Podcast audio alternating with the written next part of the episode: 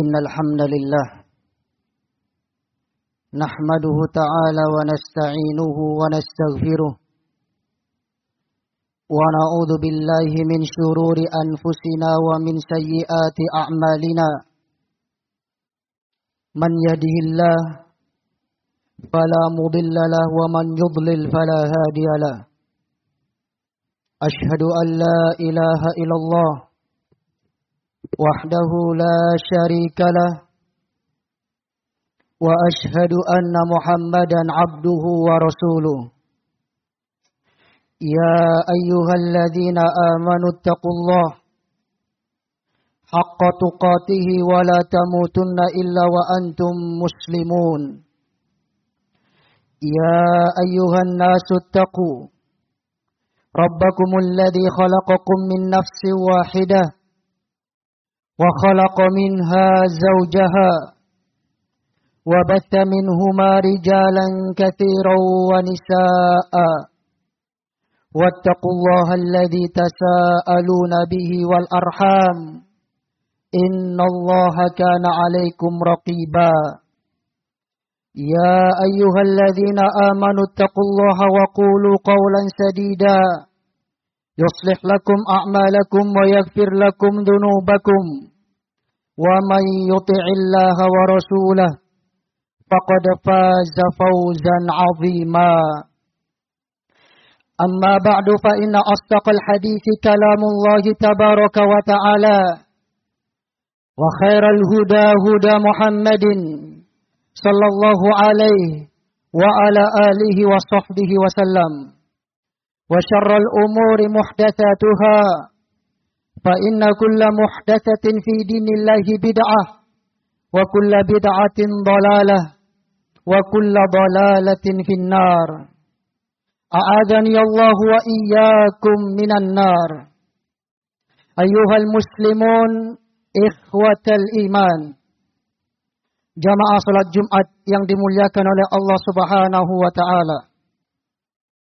Marilah pada kesempatan ini kita bersama-sama mengingat kembali akan sebuah riwayat yang telah dikeluarkan oleh Al-Imam Abu Nuaim Al-Asbahani rahimahullahu subhanahu wa taala di dalam kitabnya Hilyatul Auliya dari seorang ulama besar ahli hadis Al-Imam Abu Ali Al-Fudail bin Iyad rahimahullah subhanahu wa ta'ala beliau pernah berkata laqaitu rajulan wa qad balagha minal kibari itiya.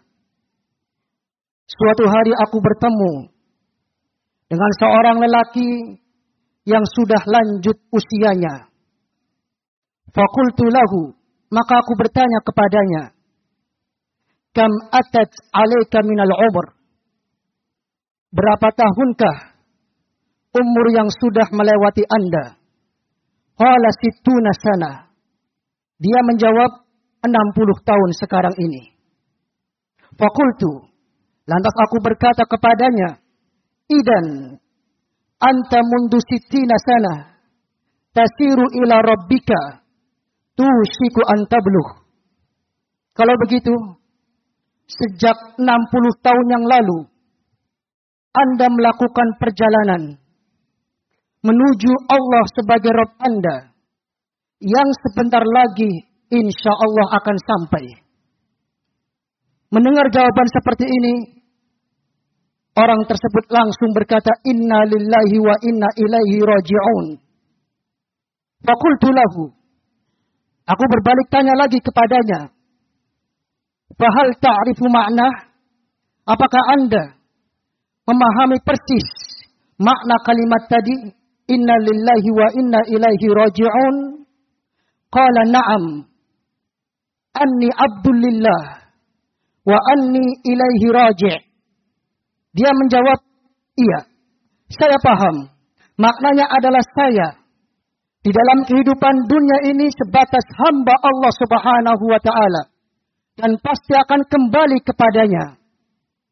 Kemudian Fudail bin Iyad rahimahullah subhanahu wa taala mengatakan kepadanya, "Ya Syekh, wahai bapak tua, man arafa minna annahu abdun lillah wa annahu ilaihi raji' falya'lam annahu mawqufun baina yadayhi siapa pun di antara kita yang sudah memahami bahwa kita semuanya adalah hamba Allah subhanahu wa ta'ala dan pasti akan kembali kepadanya. Maka ketahuilah kita akan dihadapkan di hadapannya dibangkitkan di hadapannya di alam mahsyar nanti. Wa man arafa annahu mawqufun baina yadayhi falyalam annahu mas'ulun dan barang siapa. Di antara kita yang sudah memahami bahwasanya dirinya akan diberdirikan di hadapan Allah Subhanahu wa taala dibangkitkan di alam mahsyar. Maka ketahuilah pasti kita akan ditanya oleh Allah Subhanahu wa taala. Wa man arafa annahu mas'ul falya'idda lisu'ali jawaban. Dan barang siapa di antara kita yang sudah paham diri kita akan ditanya oleh Allah Subhanahu wa taala, maka persiapkanlah dari sekarang jawaban atas pertanyaan-pertanyaan nanti. Bapak rajul, tiba-tiba bapak tua tadi menangis. Kemudian dia mengatakan, "Ya Aba Ali, amal hilah, wahai Abu Ali, apakah kiatnya supaya aku bisa selamat dari hal-hal yang memburukan atas diriku?" Qala innaha yasira an tufsina fima baki Ghafarallahu ta'ala laka ma mada. Fudal bin Iyad radhiyallahu rahimahullah subhanahu wa ta'ala menjawab. Kiatnya hakikatnya adalah mudah. Hendaknya kita memperbaiki sisa akhir hidup kita. Niscaya Allah subhanahu wa ta'ala akan mengampuni apa yang sudah lewat dari kita berupa kesalahan-kesalahan kita. Ayuhal muslimuna ibadallah. Jamaah salat Jumat yang dimuliakan oleh Allah Subhanahu wa taala. Begitulah kehidupan yang dialami setiap manusia di dalam dunia ini. Al-Fudail bin Iyad rahimahullah subhanahu wa ta'ala mengibaratkan berapapun umur yang dialami oleh kita masing-masing. Hakikatnya ialah masiratun ila Rabb Azza wa Jal. Sebuah perjalanan yang kita tempuh menuju Allah subhanahu wa ta'ala. Maka hendaknya seorang muslim memposisikan dirinya di dalam kehidupan dunia ini layaknya seperti orang asing atau seperti orang yang sedang mengembara. Siapa pun di antara kita yang sedang menempuh suatu perjalanan pasti akan dibatasi dengan waktu. Tidak akan mungkin selama-lamanya.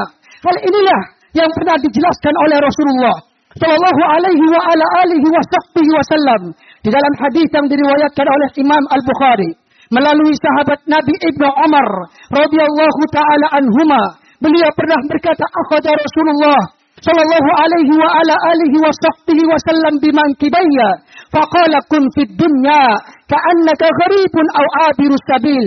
وكان ابن عمر رضي الله تعالى عنهما يقول إذا أصبحت فلا تنتظر المساء وإذا أمسيت فلا تنتظر الصباح خذ من صحتك لمرضك وخذ من حياتك خذ حياتك من قبل موتك.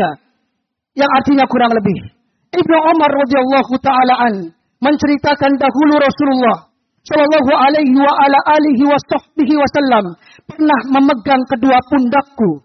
Tiba-tiba beliau bersabda, "Jadilah kamu di dalam dunia ini seperti orang asing atau sedang menempuh suatu perjalanan dan adalah Ibnu Umar radhiyallahu taala anhuma menafsirkan hadis tersebut dengan mengatakan apabila Anda ingin berbuat baik di esok hari maka janganlah menunda sampai di sore hari dan apabila Anda ingin berbuat baik di sore hari fala tantadhir sabah maka janganlah menunggu-nunggu sampai keesokan hari berikutnya.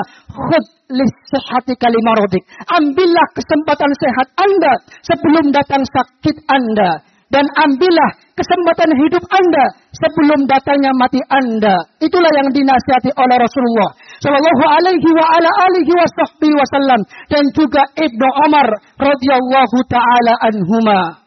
Ayuhal muslimuna ibadallah. Jamaah salat Jumat yang dimuliakan oleh Allah Subhanahu wa taala. Apa yang kita tunggu di dalam kehidupan dunia ini? Yang kita tunggu di dalam kehidupan dunia ini hanyalah perjumpaan kita nanti di hadapan Allah Subhanahu wa taala. Segala pesta, segala pertemuan antar keluarga, antar sahabat, antar masyarakat semuanya akan berakhir. Yang tidak akan berakhir adalah nanti kita akan dipertemukan di hadapan Allah Subhanahu wa taala. Lalu bekal apa yang kita persiapkan sekarang ini untuk bisa bertemu dengan Allah Subhanahu wa taala secara baik. Aku qali hada وأستغفر الله لي ولكم وللمسلمين الجميع إنه هو الغفور الرحيم.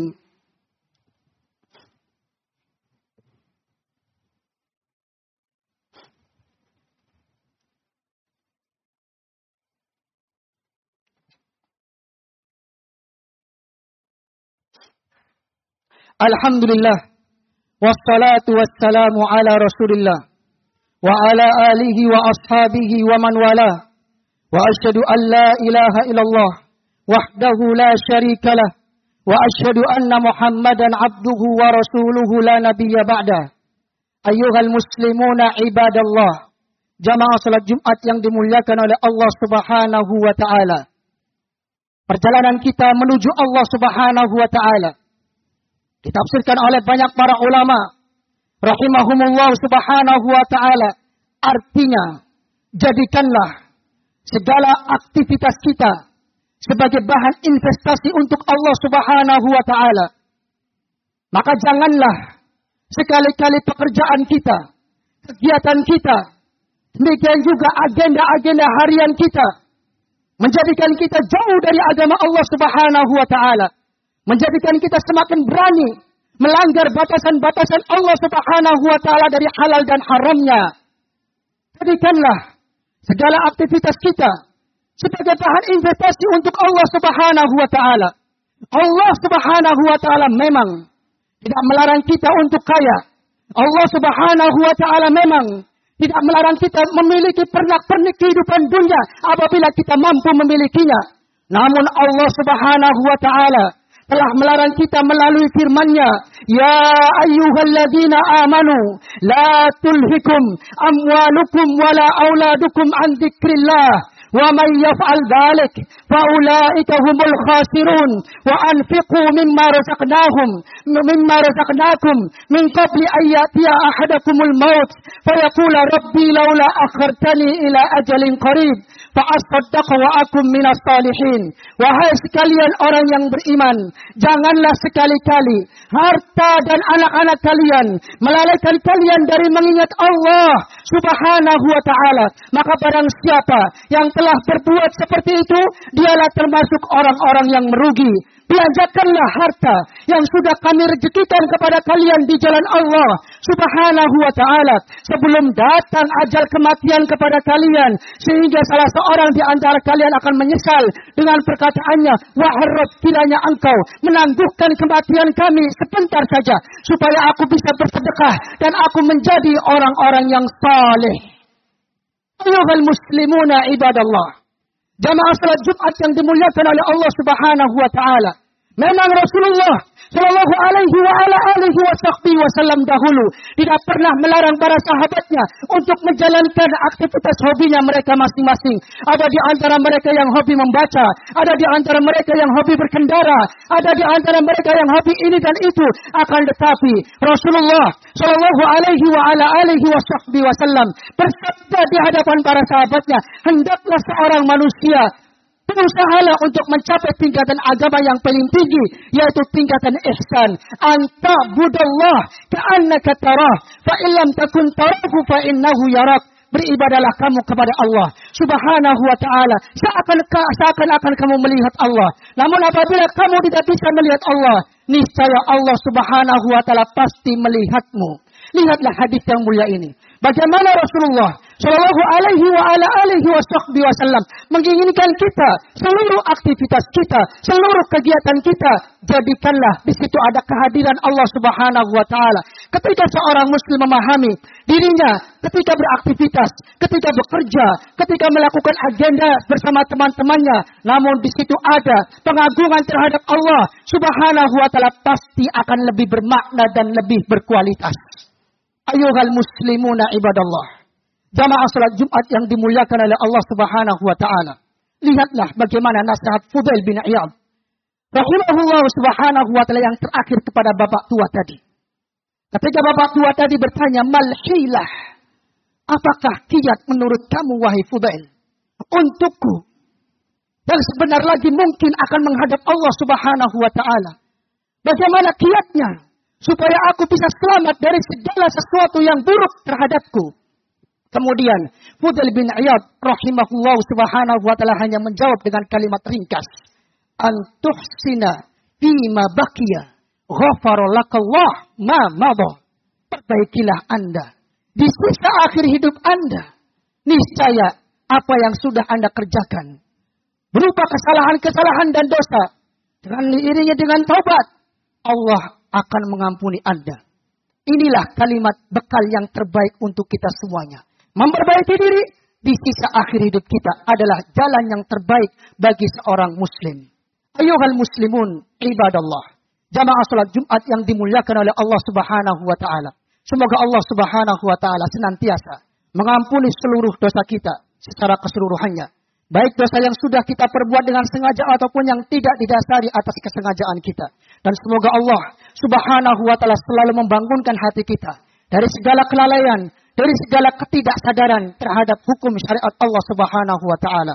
Dan semoga Allah Subhanahu wa taala menetapkan kebahagiaan kita di dalam dunia dan akhirat kelak nanti. Amin ya rabbal alamin. Allahumma salli ala Muhammad wa ala ali Muhammad. Kama sallaita ala Ibrahim wa ala ali Ibrahim innaka Hamidum Majid.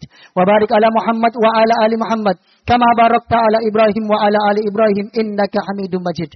Allahumma ighfiril muslimina wal muslimat والمؤمنين والمؤمنات الأحياء منهم الأموات.